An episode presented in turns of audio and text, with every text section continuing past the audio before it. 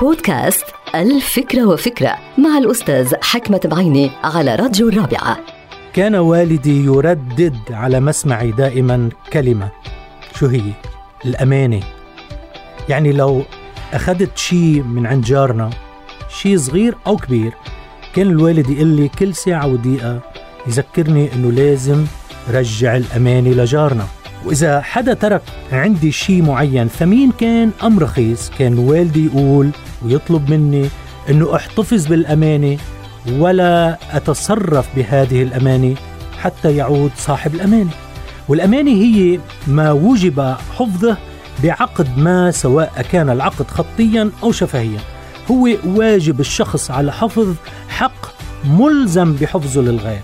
هو التعفف عن استغلال وديعة. طلب أحدهم منك إنه تحتفظ فيها لحتى يرجع.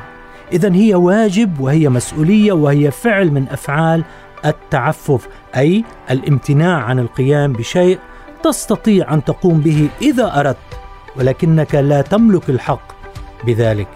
هالشي بينطبق على كل شيء. الأمانة هي أنه تحفظ مصلحة عائلتك اللي وضعت ثقة فيك وآمنت بدورك الأسري. هاي الأمانة.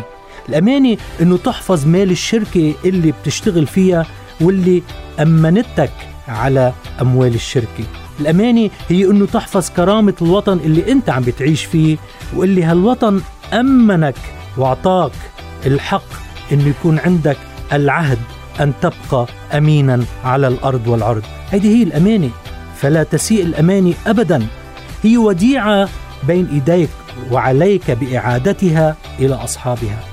إنها جزء من شرف الإنسان وكرامته وأخلاقه النبيلة انتهت الفكرة. هذه الحلقة مقتبسة من كتاب الفكرة وفكرة.